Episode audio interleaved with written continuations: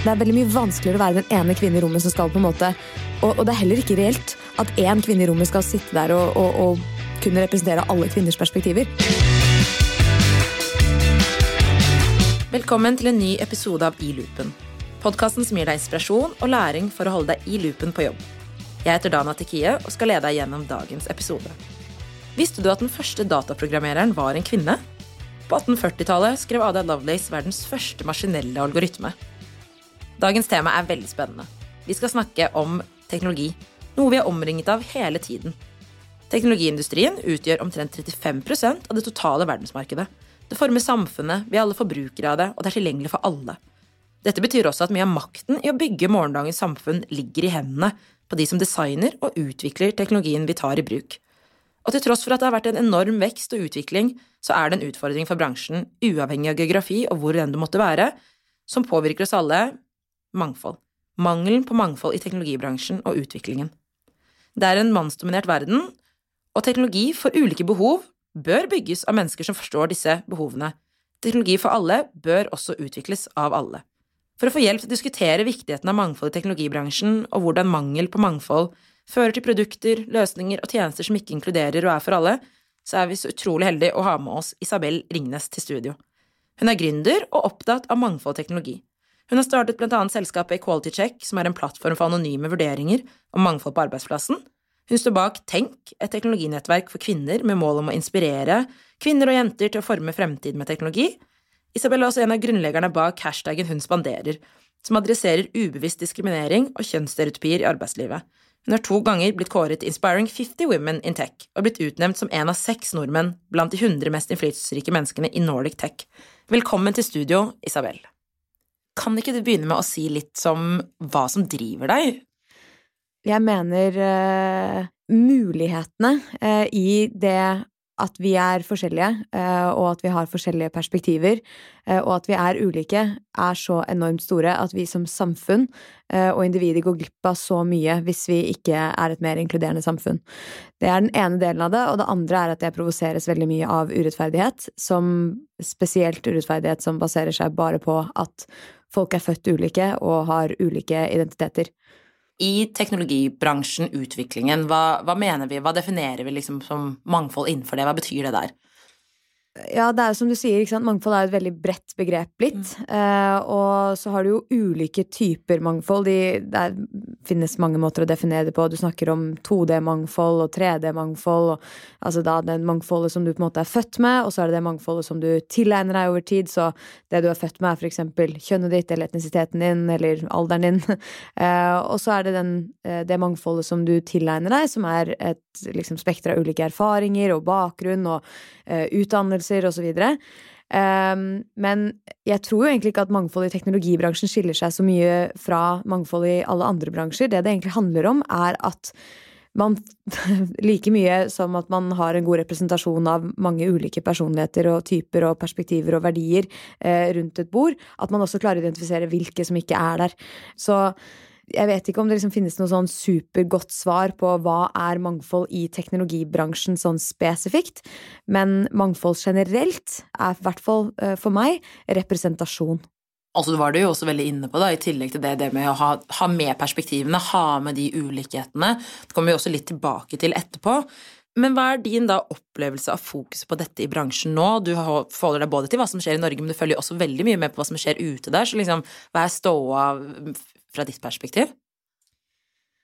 Det varierer veldig. Jeg har sett eh, masse positivt skje i løpet av de siste ti årene. Eh, kanskje mer fra et fokusperspektiv eh, enn et tiltaksperspektiv. Jeg ser jo stadig mer tiltak også, eh, og det kommer av helt naturlige årsaker. Det at vi har verktøy som eh, gjør det mulig å måle mangfold, for eksempel. Eh, og det at det er blitt mye mer transparent, så det er mye vanskeligere å gjemme seg bak, bak altså type vanity metrics. Eh, før så kunne selskapet si at vi er 50-50. Eh, kvinner og menn. Nå krever folk å se ja, men i hvilke typer stillinger. Eh, hva er lønnsforskjellene i de ulike stillingene? Eh, hvilke nivåer? Fordi når du begynner å se på ting granulert, så ser du at det er langt fra likestilt, selv om det på papiret bare ved første blikk kan se likestilt ut. Så, så trendene er jo at vi bruker verktøy, og vi har vi, vi, er på en måte rigget annerledes uh, i verden i dag, så vi kan drive den endringen mye raskere enn det som vi kunne tidligere. Uh, så er det jo en del motstand mot det også, fordi all endring er ubehagelig. Woodrow Wilson sa 'if you want enemies, ask them to change'. Uh, og det er jo liksom litt der vi er nå. Hvis vi har lyst til å drive den endringen som verden er så sulten på å se, så må vi også inkludere mennesker som ser verden på en annen måte enn oss selv. Og det med mangfold er eh, kjempeviktig og nyttig og lønnsomt og fører til bedre innovasjon og bedre miljø og alt det der, men det er heller ikke sånn at du kan bare stappe masse ulike mennesker inn i et rom og regne med at du skal se resultatene renne inn. Eh, det er like mye om inkludering, det å forstå hvordan er det man skal lede mangfoldige team. Det blir gjerne mer friksjon av at folk kommer fra ulike steder, har ulike perspektiver, ulike syn, ulike bakgrunner, eh, og det er jo det som er styrken, men kan også bli svakheten hvis ikke ledet på riktig måte. Og så er det jo også en kjempestor trend. Vi sier jo ofte at mangfold var for 2020 det klimaet var for 2015. Vi ser at det nå er en kjempestor trend blant styrer, investorer, eh, forbrukere, kunder, eh, ansatte. Alle krever mer mangfold i verdikjedene. De vil se mer mangfold på arbeidsplassene sine. Eh, og dette her blir liksom noe som ikke man kan overse lenger. Man kan ikke bare si at ja, dette er viktig for oss, og så rulle videre. Fordi det er så transparent, så ser man liksom hva, okay, men hva, hvilke tiltak er det som ligger bak de ordene eh, som ledere rundt omkring sier. På Equality Check så har vi en, eh, en, vurdering som man kan legge igjen, eh, og der er to av spørsmålene eh, hvordan man opplever at likestilling og mangfold kommuniseres i bedriften, versus hvordan man opplever at tiltak rundt likestilling og mangfold implementeres i bedriften, som jo er to ulike ting, men som egentlig er to sider av samme sak, eller bør være det. Og der ser vi jo at det er en stor diskrepans mellom de to scorene. Og det er fordi det er mye prat og lite handling. Og det har man sett i lang tid, og det er derfor ting har gått så sakte. Eh, men på grunn av de verktøyene som jeg var innom først, med at det er data, og at det stilles mye strengere krav også fra myndighetenes side, og fra liksom alle som er involvert eller har en stake i en bedrift, det gjør at ting går også raskere, og at det blir vanskeligere å bare snakke eh, og ikke ha tiltak. Når du er inne på equality check, vil du si to ord bare om altså, hva det er? Absolutt. Det er et, et, et, et, selskap som jeg startet sammen med Marie Louise Sunde eh, i 2018, som sprang ut av det som opprinnelig var en kampanje som het Hun spanderer. Eh, og den kampanjen skulle belyse ubevisst diskriminering og kjønnsstereotypier i arbeidslivet. Her, eh. hva vil det, hva, hvis du skulle eksemplifisert ubevisst kjønnsdiskriminering, eller ja. Eh, eksempel på stereotypier? Ja.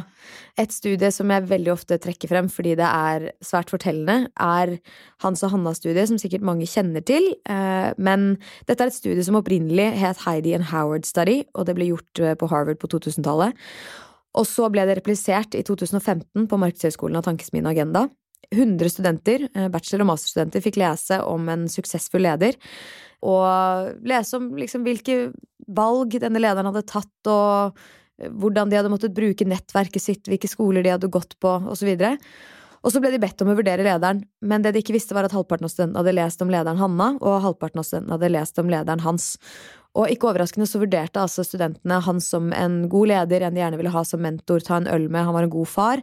Hanna derimot var da eh, ansett som en mindre god leder, eh, de likte henne ikke like godt, hun var sjefete, eh, mindre god mor, og hadde ikke like lyst til å ta en øl med henne eller ha henne som en mentor. Og dette er altså et helt identisk case, med unntak av navnet på karakterene, vurdert av bachelor- og masterstudenter i verdens nest mest likestilte land, som viser igjen da hvor tungt eh, inngrodd disse kulturelle kjønnsstereotypiene er i samfunnet vårt.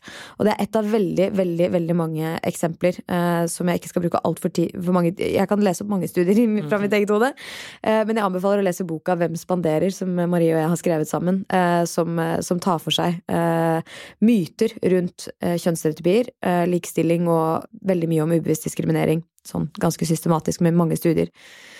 Ut fra Hun spanderer kom da Equality Check, hvor vi i 2018 opplevde at eh, fra å ha gått rundt i mange bedrifter og sagt at eh, dette her er noe dere må fokusere på, eh, til at nå kom de til oss og sa vi har skjønt at dette er noe vi må fokusere på, hva skal vi gjøre? Det som ble tydelig for oss, var at de ikke helt visste hva de skulle gjøre.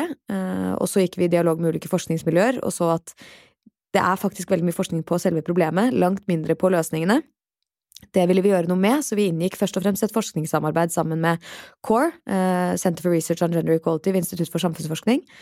Og eh, startet da parallelt et teknologiselskap som heter Equality Check, som er et teknologisk verktøy som hjelper virksomheter av ulike størrelser å kombinere Eh, det vi kaller for ansattdata og selskapsdata, eh, for å gi dem et bilde av hvordan eh, utfordringer de har i forhold til mangfold og likestilling, og som da også basert på de utfordringene som er identifisert, gir dem løsninger basert på beste tilgjengelige forskning. Og vi har gjort det da compliant med den nye og strengere aktivitets- og redegjørelsesplikten eh, som bedrifter da må rapportere på for å redegjøre for likestilling og diskrimineringsarbeid internt. Rått. Mm. Kjempekult, og veldig kult hvordan man har gått fra å snakke med Jeg syns bare hele den veien fra hvor de liksom snakket om det, det sprang ut av kampanjen, til at man innser da at eh, her er det ikke noen løsninger, og at dere ender opp med å lage i hvert fall en, et, et løsning, en løsning da på et verktøy. Ja. Og så vi, er, vi er jo litt inne på det, men vi snakket om det innledningsvis. Du har vært innom eh, et par ting. Men sånn når, når, bare deler av befolkningen dominerer teknologi, teknologibransjen, som i hovedsak menn da per def nå, um, så blir det et veldig skjevt grunnlag for hvordan teknologi er utvikling for hele samfunnet når det er tilgjengelig for oss alle også, da. Uh, til et samfunn som er mangfoldig, ikke sant. Og mangelen på hvert fall perspektiver og representasjon, som du har vært inne på, fører jo til flere ulikheter kan du bare gå litt, litt nærmere inn på én, um, hva tenker du liksom er Hva er barrierene? Og to, hvorfor er det sånn?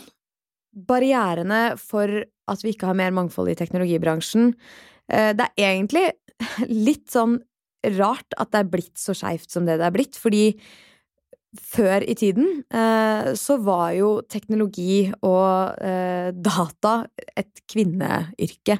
Um, men så, etter hvert som dette yrket fikk mer status, og det ble bedre betalt, så ble kvinnene presset ut, for man så jo hvilket enorme potensial det hadde.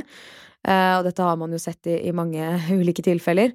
Men også uh, så var det noe helt spesielt som skjedde på 1980-tallet, hvor det var om lag nesten 40 kvinner uh, på teknologistudier, men så kom datamaskinen som ble markedsført til hjemmene, altså husholdninger, for første gang. Og når det ble markedsført, så ble det markedsført så tungt mot gutter, og som et sånt spillverktøy. Så datamaskinene ble plassert på gutterommene. Og så ble jo de da mye mer erfarne med dataer, og når de da kom til college, denne generasjonen kom til college senere, eller universitet, så kunne de mer, eh, og jentene falt fra. Eh, så de halverte seg jo nesten eh, i antall kvinner på veldig få år. Og den balansen har man liksom ikke helt klart å rette opp igjen, og det er nok altså det er mange og sammensatte grunner til det. En del av det er jo det bildet som blir portrettert overalt uh, av hvem er en teknolog, hvordan ser en teknolog ut. Uh, det, det, er bare google IT-nerd på Google uh, i dag, så vil du se hva som kommer opp. Det er ikke noe bedre representasjon der i dag enn det det var før. Eh, men også hvis du ser på liksom alle de store teknologipionerene, det er menn. Eh, hvis du ser på eh, nesten alle filmer Nå det blir jo heldigvis bedre og bedre, da, men filmer tidligere hvor du har sett noen som har vært på data, det er stort sett menn. Og, det vi vet jo at you cannot be what you cannot see. Vi vet hvor utrolig viktige rollemodeller er for unge jenter. Jeg har jo selv hatt mange initiativer rettet mot unge jenter hvor jeg har spurt eh, konsekvent disse unge som er med. Hva vil dere bli som dere blir store? Og svært ofte så svarer de at de har lyst til å bli det samme som tante, mamma eh, eller noen andre kvinner som de ser opp til i livet sitt. Helt naturlig. Og fordi at vi har eh, ganske sånn kjønnsdelt arbeidsmarked i dag, så er det veldig mange som da ønsker å bli sykepleier eller frisør eller lærer. Og ikke at det er noe galt i det i det hele tatt. Det er også viktige yrker, men vi trenger eh, at flere også ser at de kan bli ingeniører og teknologer, eh, og at de kan være med å liksom bygge den fremtiden som nå er i ferd med å bli en helt annen eh, enn det man kunne forestilt seg for 50 år siden. Fordi det er så enormt kraftig, og det er så enormt enormt store drivere innenfor denne bransjen nå, som kommer til å gjøre at vi lever i en veldig, veldig annen verden enn det vi nå kan forestille oss, og som det er veldig viktig at vi har representasjon bak når vi utvikler. Fordi vi vil ikke våkne opp om 50 år og leve i en verden hvor få privilegerte mennesker som ligner på hverandre, har samme type bakgrunner, utdannelser, erfaringer, har bestemt hvordan verden skal se ut. Hvordan er det teknologiene som alle benytter seg av, skal brukes? Hvilke løsninger er det vi har prioritert? Hvilke verdier er det vi løfter frem i samfunnet som viktig? Altså, hvem er det som blir favorisert, da? Og det er jo også et veldig viktig element, og hvorfor kanskje mangfold i teknologi er så enormt viktig, fordi at det, så mye av den teknologien vi utvikler nå, er usynlig teknologi. Det syr sammen samfunnet og kommer til å ta avgjørelser på vegne av befolkningen mange hundre år frem i tid. Og det er ikke helt tydelig for oss hvorfor og hvordan disse maskinene kommer frem til de svarene de gjør, fordi de veldig ofte er bygget på fordomsfull og historisk data, fordi vi vet at fortiden vår er fordomsfull. Og når vi bygger algoritmer eh, som skal gi oss svar basert på det som har vært og fungert i fortiden, så vet vi også at fremtiden vår blir ikke noe bedre enn det fortiden var. Så da bygger vi egentlig bare en fremtid som forsterker den allerede eksisterende, ulike fortiden som vi har. Og det er jo det vi nettopp ikke vil gjøre. Altså, i dag så kan man på en måte i større grad holde et menneske som tar et valg, ansvarlig for det valget. Man kan stille spørsmål. Men når man ikke helt skjønner hvordan noe er kommet frem til det, og når det er ett system som bygger inn et annet system som bygger inn et tredje system, eh, og det er på en måte bare masse systemer som syr, eh, sys inn i hverandre, og som gir oss svar i samfunnet om f.eks. hvem som får Hvem er det som får lån, hvem er det som får, forsikring, hvem er det som får bo her eller der, eller gå på de og de skolene, eller hva Altså, det er så mange valg som kommer til å overlates til maskiner. Når vi da ikke kan holde de ansvarlige for de valgene de tar, så risikerer vi egentlig å bygge masse skjevhet inn i fremtiden vår som vi ikke kan gjøre noe med. Med mindre vi gjør noe med det akkurat nå. Hva er konsekvensene da? Når mangfoldet ikke er til stede, hva er, hva konsekvensene av at det er så ubalanse som det er, da? Konsekvensene er at vi får en, en, en verden som representerer enda mer ulikhet enn det vi allerede har i dag. Uh, er, det er en skjev verden. Uh, vi, verden er full av fordommer. Og ved å bygge det inn i teknologien vår, så sementerer vi de fordommene. Hvis man også skulle bryte ned på, på, et organisatorisk perspektiv da, og gå vekk fra det samfunnsmessige, hvilke konsekvenser ser vi da? Hvis du ser liksom, hvis det er i virksomheter, blant organisasjoner, i team, hvilke konsekvenser får, har det at det ikke er mangfold der òg? For vi vet jo at det er ofte kanskje den ene kvinnen eh, i teamet hvor man programmerer eller utvikler teamet. Mm. Vet ikke om du har noen refleksjoner rundt hvordan, hvordan konsekvenser det også skaper der, da? Et, et, artig eksempel bare på det med å ansette. Eh, på hvordan liksom man har brukt da historisk data for å kunne med beste vilje utvikle et produkt som egentlig skal hjelpe bedriften å bli smartere på. Det er Amazon for noen år tilbake. De utviklet en algoritme som skulle kunne predikere hvem av arbeidstakerne som skulle kunne lykkes da, eh, i virksomheten. Og det de heldigvis fant i løpet av noen få uker, var at det denne algoritmen i virkeligheten gjorde, var å systematisk ekskludere alle kvinnelige søkere, fordi de ikke var representert i det datagrunnlaget som algoritmen var bygget på.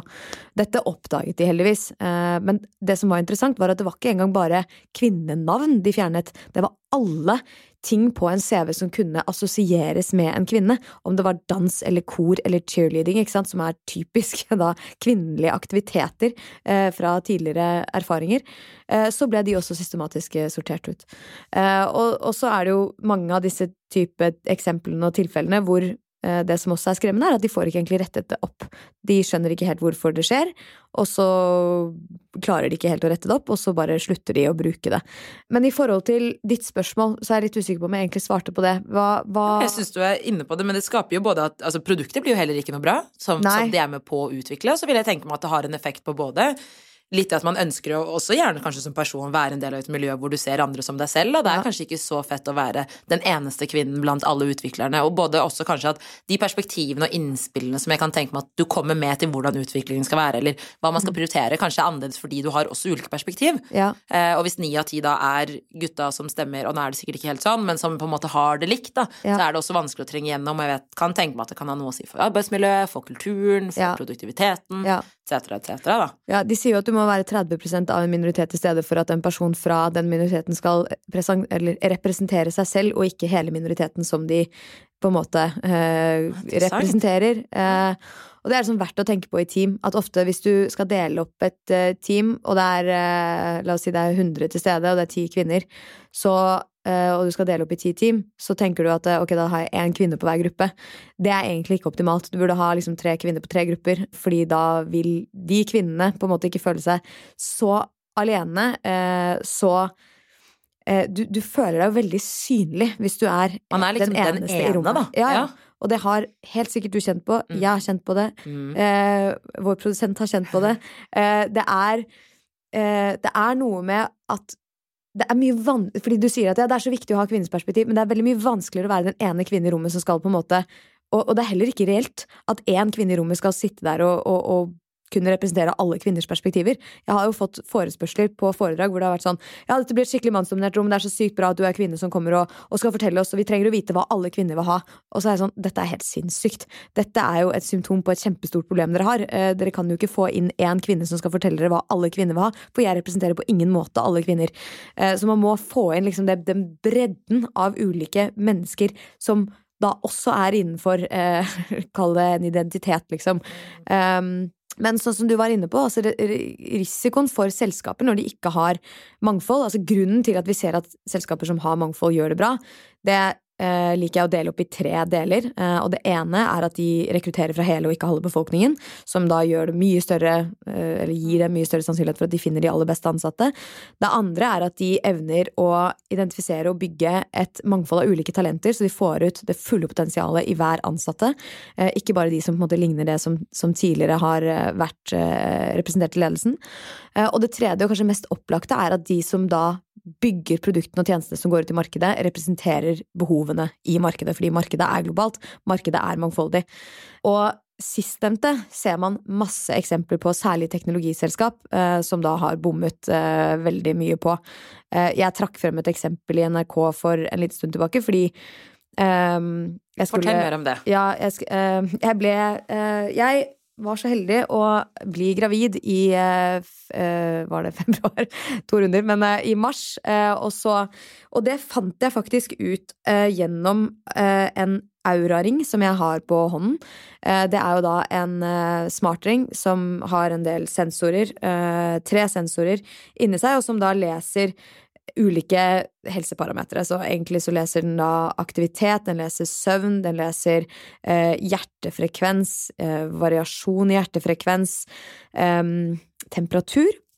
Og en dag så begynte denne ringen å fortelle meg at eh, helsa ikke var så bra, at jeg måtte slappe av og roe meg ned, og så skjønte jeg ikke helt hvorfor. Jeg ble selvfølgelig bekymret, og begynte å google. Og så viste det seg at en del av disse parameterne som da eh, begynte å gå bort fra normalen, eh, kunne være indikasjoner på at jeg var gravid. Så jeg tok en graviditetstest, og riktignok eh, så var jeg gravid. Og det var veldig hyggelig å få vite, men det som på en måte viste seg å være problemet senere, har jo vært at denne ringen forteller meg jo nå hver dag at dette det, det står ikke så veldig bra til. Og så tenker jeg at det er jo egentlig liksom et, et, Det er ikke et stort problem i min hverdag eh, at den ringen ikke gir meg liksom eh, den, den, riktige feedbacken som jeg burde ha på helsen, men jeg syns det sier eh, mye om et teknologiselskap som skaper et produkt. Det er et finsk teknologiselskap, og de har fantastiske produkter, for jeg elsker ringene, men som da skaper et produkt til en hel befolkning hvor da 50% av de er kvinner. 90% av kvinner i løpet av livet sitt får et barn, så 90% av deres brukere, eller 90% av deres 50% av brukere, kommer til å da stå i denne situasjonen på et eller annet tidspunkt eh, med denne ringen. Og det at de alle da skal lure på om noe er gærent med dem i ni måneder, og ikke helt vite hva som er hva. Eh, det er jo spesielt. Og så tok jo da NRK kontakt med Aura eh, og spurte liksom hva gjør dere med dette. Og da, da er det som man ser med alle tech-selskap som blir konfrontert med denne typen problemer. Ja, nå har de eh, satt ned et utvalg sant, med kvinner som skal se på liksom, akkurat dette med kvinnehelse, og da blir jeg litt sånn Jeg blir så oppgitt. Fordi, altså, ja, bra at man gjør noe med det, men det er så typisk at dette at 50% av befolkningen er etterpåklokskap. At det mm. ikke er liksom en del av fundamentet av DNA-et når du bygger et produkt og setter det i markedet. Så er det jo ikke sånn at kvinnehelse er en, en liten del av det. det er jo, kvinnehelse er jo like mye folkehelse, er jo like mye helse, er jo like mye kjernen av produktet. Eh, så det at det skal bli sett på som noe som man prioriterer inn etter syv år på markedet, er for meg helt bisarr, og er for meg et symptom på eh, hele bransjen og hele industrien. Eh, fordi det er som regel når noen begynner å rope høyt om at dette er et problem, at de innser at det er et problem. Med mindre det liksom Ja, men sånn som for eksempel Apple, da, som også et helseeksempel som mange kjenner til, eh, fra 2014, når de lanserte den nye Apple Health-applikasjonen sin, som da skulle måle alle mulige helseparametere. Den skulle gi oss liksom the quantified self. Eh, det skulle bli så fantastisk. Og så oppdaget de etter lansering, når noen da begynte å tvitre om dette her, at eh, flott at dere måler alt, men ikke en av de viktigste helseparameterne for 50% av befolkningen, nemlig den menstruelle syklusen, som er et så opplagt ting å måle. Og det at de da sier eh, høyt og tydelig at se her, liksom, vi tar alt for seg, og så ikke det, det bare viser hvilket store blindspot de har når de utvikler Fordi for alle oss som sitter her, så er det en helt åpenbar ting å tenke på, men der har det vært et team som da ikke har tenkt på det. Uh, og det er jo noe de kan rette opp i senere og alt sånn, men, men, det er noe med at det har ikke vært Når man, når man ser en så opplagt ting ikke vært med, da. Hvilke andre ting har ikke vært med når de har utviklet dette produktet fra dag én? Da har ikke kvinner egentlig vært noe som de har prioritert eller sett spesielt på fra, eh, fra, dette produktet, liksom bygget sine første linjer med kode. Eh, og så vet man ikke helt hvilken effekt det har utover eh, i det produktet når det, når det ja, kommer med nye, nye, lanseringer. Og liksom på helse i seg selv så vet man også at kvinner har jo vært utelatt fra nesten all forskning eh, opp til noen år tilbake på det som gjelder diagnostisering og medisinering av sykdommer. Så vi er allerede underrepresentert. Altså det som er helse i dag, er jo på en måte mannen som norm. Eh, og det som er kvinnehelse, er på en måte det som man har sett på litt sånn senere. Det er underprioritert, det er underfinansiert. Så, så det også er jo noe som teknologiselskapene bygger på toppen av. Så um, når man liksom begynner å se på alle de skjeve strukturene og all den skjeve representasjonen som verden i dag er tuftet på, så blir man litt skremt når man tenker at dette skal være grunnlaget og fundamentet for den fremtiden man bygger med teknologi også. Absolutt. Jeg tror også særlig fordi beslutninger i større grad tas basert på data som kommer fra teknologi. Man utvikler teknologi som alle skal bruke, og så mm. ser man da om det er eksempel knyttet til helse, sånn som du ser hvor man søker informasjon fra sånne produkter, eller om man ser at man har ansiktsgjenkjenning som ikke gjenkjenner eh, mørke ansikter, eksempel, mm. sammenlignet med lysere ansikt, mm. og hvordan det påvirker det. Får ikke åpna FaceTime med, man prøver flere ganger enn deg, så liksom enkelt ja. som det. Ja. Så skjønner man jo at det både er frustrerende når man holder på med det, men det er jo et problem, og det sier noe om akkurat det vi var inne på, går mm. tilbake til å si noe om at hvem som har vært og utviklet Jeg tenker ofte liksom Hvordan har dette kommet så langt? Mm. At det har liksom latt seg utvikle uten at noen har fanget det opp. Mm. Og da sier det jo seg selv at det handler om at det går tilbake da, til mangelen på både inkluderingen, men også mangfoldet som er og utvikler. Eh, og da har vi jo både liksom innevært på snakke om hva som skjer når dette ikke er til stede, og konsekvensene. Men hvis vi skal se på litt sånn hva som skal til, da. Hvordan skal man jobbe? Hvordan skulle åra ha liksom i utgangspunktet ideelt ha agert, eller eh, hva skal vi gjøre, hva skal organisasjonene gjøre da, tenker du? Fra, om det skulle vært dine tips, da, men eh, ja, hva skal til for å sørge for økt inkludering, egentlig? Ja. Det er jo også på en måte et sammensatt svar, men øh, Og inkludering og mangfold er jo på en måte liksom to ulike ting. Først så må du jo sørge for at du er et selskap som er tiltrekkende for flere. Men når du da først har liksom en relativt god representasjon, så må du passe på at liksom det faktisk er et miljø hvor du får ut de forskjellene, og hvor eh, de ulike personlighetene får lov til å være seg selv eh, og føle seg verdsatt og inkludert eh, som seg selv, og ikke at de skal passe inn i en eller annen mal som, som, bor i den corporate verden de kommer inn i. For det er jo kanskje en enda større utfordring for noen. Men man må jo jobbe todelt. Det ene er liksom å øke bevisstheten rundt at man har en del fordommer, og at man har en tendens til å få fremme og skru sammen team med mennesker som ligner en selv. Eh, og det andre, det er jo mer konkret, og det er å jobbe mer strukturelt og systematisk med det. Eh, og der er det liksom typ eh, fire ting som jeg kan trekke frem. Og det gjelder ikke bare teknologi, det gjelder eh, egentlig de fleste bransjer som har lyst til å bli bedre på mangfold. Og det ene er at det må forankres i toppledelsen, eh, eller i styret. Dette er ting som må eh, settes på agenda høyt oppe, fordi det er de som har muligheten til å prioritere det og fokusere på det, på en måte som skaper ringvirkninger gjennom resten av virksomheten. Eh, veldig ofte så er det sånn at de setter inn sånn diversity-utvalg eller en sånn diversity chief manager, eller I don't know what they call him. Det, men det er, eh, det er liksom en I noen tilfeller så kan det være veldig bra, men i mange tilfeller så er det også litt sånn for å bare liksom ikke trenge å deale med problemet, kall det det, eller muligheten, da, selv. Eh, men dette er veldig viktig at det er liksom eid av de som styrer eh, bedriften, og styrer hvor ressursene og fokuset legges. Og så er det da å ha en langsiktig forpliktelse. Man kan ikke innføre ett eller to tiltak over et år, og så se på det og tenke eh, nei, dette funket ikke spesielt bra, så vi, vi, klarer ikke dette med mangfold og likestilling, det får bare skure og gå. For ofte blir det jo veldig tilfeldig initiativ, ikke sant, mm. som man bare gjør litt her og der. Ja, og det går inn på liksom det å ha en helhetlig tilnærming. Altså man må prøve og feile, og så må man måle over tid. Så man må liksom se hva er det hvilke tiltak er det vi har innført? Hvordan er det de har hatt effekt? eh, hvor er det vi skal fokusere? Fordi Det er sikkert hørt om 28-regelen. ikke sant? At det, eh, 20% av de arbeidstingene du gjør, eller arbeidsoppgavene du har, fører til 80% av resultatene.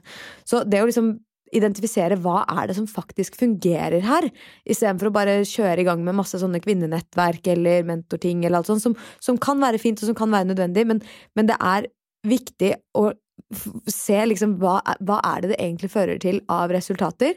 Hvordan er det dette oppleves i organisasjonen? For noen vil det oppleves stigmatiserende. Som regel så ser man jo at de likestillingstiltakene som innføres, eh, jo mer kjønnsnøytrale de er, altså jo mer de tiltakene egentlig bare handler om liksom generell trivsel, fleksibilitet, autonomi, altså helt sånn basic ting, eh, jo, jo mer vellykket er likestillingstiltakene. For når det er sånn ja, vi skal gi kvinner eh, x antall fordeler, så blir det liksom da føler kvinner, eh, eller mange kvinner, at de blir liksom stigmatisert, eller at de da trenger ekstra hjelp i virksomheten og alt sånn. Og mennene blir irritert, for de er sånn herregud, vi får ingenting, kvinnene favoriseres. Og så blir det en sånn dårlig, sur stemning eh, som ikke nødvendigvis er positiv for noen. Og det tredje, nei fjerde, det er å ha en datadrevet tilnærming. Altså det å faktisk måle å vite først og fremst hvilke parametere er det viktig at du måler. Hva, altså Parametere som faktisk sier noe om den reelle graden av likestilling i bedriften. Og så måle det over tid. Fordi det er mange som vil føle i samfunnet og i bedriften og alt sånn, i forhold til hvor mye noe snakkes om, hvor mye ting går fremover. Og det er litt sånn som at det, eh, er mange som sier at eh, likestillingen har gått for langt i samfunnet, eller det er, det, man hører mye rart da, mm. om likestilling og hvor utrolig bra det er blitt, men når du ser på de faktiske tallene, om det er World Economic Forum, eller om det er topplederbarometeret til CORE, eh, eller andre rapporter som kommer frem i, i lys av pandemi eller krig, eller sånn, så ser man faktisk at det er ikke tilfellet. Likestillingsnivået eh, går ikke nødvendigvis fremover. Noen tilfeller så går det bakover, eller det er stagnert. Og det ville du ikke visst om du ikke hadde hatt data og målte. Eh, og hvis du da i tillegg til det setter helt konkrete kopier om hvor du skal være, så er det veldig mye vanskeligere å liksom gjemme seg bak at eh, Men se så mye vi har pratet om det, eller se på hvilke kampanjer vi har hatt, eller vi hadde en kvinnedag, eller vi Flott pride-flagg på alle sosiale medier. Altså, det er liksom Det er um, du, Show me the numbers. Og det, det, er så glad for at du tar opp det siste der, for det er så viktig, og man lar ofte sånne myter florere til å bli sannheter i virksomheter, man, fordi bare basert på antakelser eller følelser, man ser at det er et initiativ, og da kan man føle sånn, men vi blir ikke prioritert, enn at man har de faktiske dataene som man mm. kan bruke da, for, å, for, å, ta beslutninger og også kunne si noe om Jeg tror at veldig mange også tror at vi har kommet mye lenger enn det vi faktisk har, da. Mm. Så det viser jo også tallene. Men er du optimistisk eller pessimistisk på det her? Hvordan ser utviklingen ut? Jeg er alltid optimistisk. Ja. Eh, nesten uansett. Fordi personlig så drives jeg av en sånn, eh, et håp da, om at ting kan bli bedre. Jeg syns Altså, jeg får ikke energi av å sitte og tenke at alt skal bli svart og ingenting kommer til å gå, og det er ikke noe Fordi da er det liksom heller ikke så mye motivasjon til å jobbe med det, hvis du ikke tror at det finnes noen løsning heller. Så jeg er veldig optimistisk. Samtidig så vil jeg være realistisk. Eh, se på liksom hvor er det vi står hen i dag. Hva er det som skal til? Hva er det som må gjøres? Hvor er det vi må sette kreftene? Eh, jeg er jo ikke liksom noe blåøyd optimist, men jeg har definitivt tro på at det finnes nok gode mennesker, eh, nok virksomheter der ute som forstår de enorme fordelene og mulighetene som ligger i bedre mangfold, eh, til at vi kommer til å, å se en positiv utvikling eh, de neste årene. Men jeg tror ikke det skjer av seg selv, så jeg håper at flere som hører denne podkasten, og som involverer seg x antall andre steder, blir inspirert til å, til å fortsette å jobbe for mer mangfold, for det, det gjør seg dessverre ikke selv. Nettopp. Hva tenker du er det viktigste at lytterne skal sitte igjen med etter dagens episode? Jeg håper at ledere som hører på, tenker at dette er noe som vi som virksomhet ikke har eh, råd til å ikke prioritere. Dette er noe vi virkelig må ta alvorlig. Eh, jeg håper at de som har vært etablerte i en virksomhet over lang tid, eh, forstår at vi nå, vi nå leder og driver på en annen måte. Må Altså, ver verden er nå et sted hvor det må være uh, større åpenhet og inkludering for mennesker som er ulike, og det faktisk er en styrke, ikke en svakhet.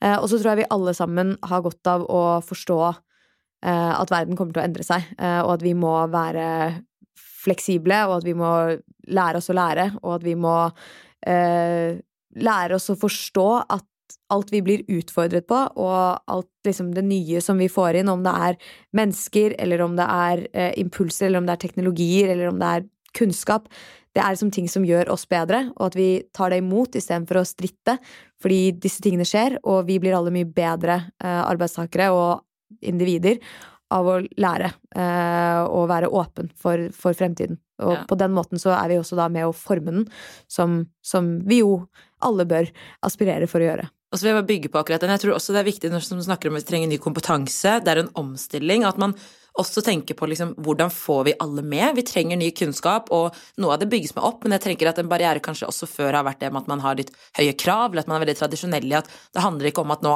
skal alle ut og få en ny bachelorgrad for å kunne være med da, i det, men at man også evner å um, se på andre måter å få folk med, og tenke på hvordan få med folk på omstillingen, og hvordan kan vi være ikke mer utradisjonelle, men tenke andre måter til, da, mm. enn at det kun er at alle skal ta en utdanning i programmering for å skulle kunne henge med, da. Ja. Så det er også en viktig ting for, å, for, at vi skal få fremgang, da, og at vi skal få folk med. For det er ikke kanskje alle som lærer ved å sitte på, på skolebenken gjennom akademiet. Det er andre måter også å kunne opparbeide seg disse ferdighetene som man trenger, da. Definitivt. Eh, det er så mange superflinke mennesker der ute som ikke får jobber nettopp fordi de ikke passer inn i en kategori, men mm. som kanskje er eksperter innenfor området som aldri kunne sett for seg. Og det er akkurat som du sier, altså læring kommer gjennom så ulike uh, måter. Det er helt bisarr at vi i dag lærer på samme måte som vi gjorde for 200-300 år siden. Vi sitter i klasserom rett opp og ned og hører på noen prate. Det er egentlig helt usannsynlig at så mange mennesker skal kunne lære på den måten. Uh, og om det er den optimale måten å lære for noen, det vet vi heller ikke. Men det at uh, man rekrutterer på litt annet uh, grunnlag, det tror jeg er veldig lurt som leder. At man liksom ser etter hva er verdiene til denne, personen? Er de nysgjerrige? Hvor fort lærer de? hvordan passer de inn i dynamikken her? hva er det de brenner for? Hva er det de har lært seg på egen hånd? Altså, det er veldig mange andre ting man kan se på enn bare en bachelorgrad. Eh, eller en mastergrad. Selv om det selvfølgelig er viktig. Det viser jo disiplin og at du liksom, det, det, det, er mange positive ting med det òg, men eh, det er som du sier, det er mange ulike aspekter som man kan vurdere når man skal vurdere fremtiden. Det er noe med å se på liksom, hvilke, hvilke, hva er det hva er det dette mangfoldet kan tilføre oss? Og så er det kanskje noen ting vi bare kan lære vedkommende også. ikke sant? Mm. Så man kan lære her i organisasjonen å skille på det. Mm. Så jeg tror at uh, vi skal avslutte med det. Det har vært veldig veldig spennende å diskutere med deg, Isabel. Tusen takk. Hvis du som lytter syns dette var interessant, del og fortell om episoden til noen du kjenner. Hvis du har spørsmål eller innspill, skriv til oss på Instagram eller Facebook til Deloitte Norge. Og takk igjen, Isabel, for at du har delt kunnskap, erfaring og perspektiv med oss i dag. Og til deg som har lyttet, takk for at du har lyttet, og vi høres.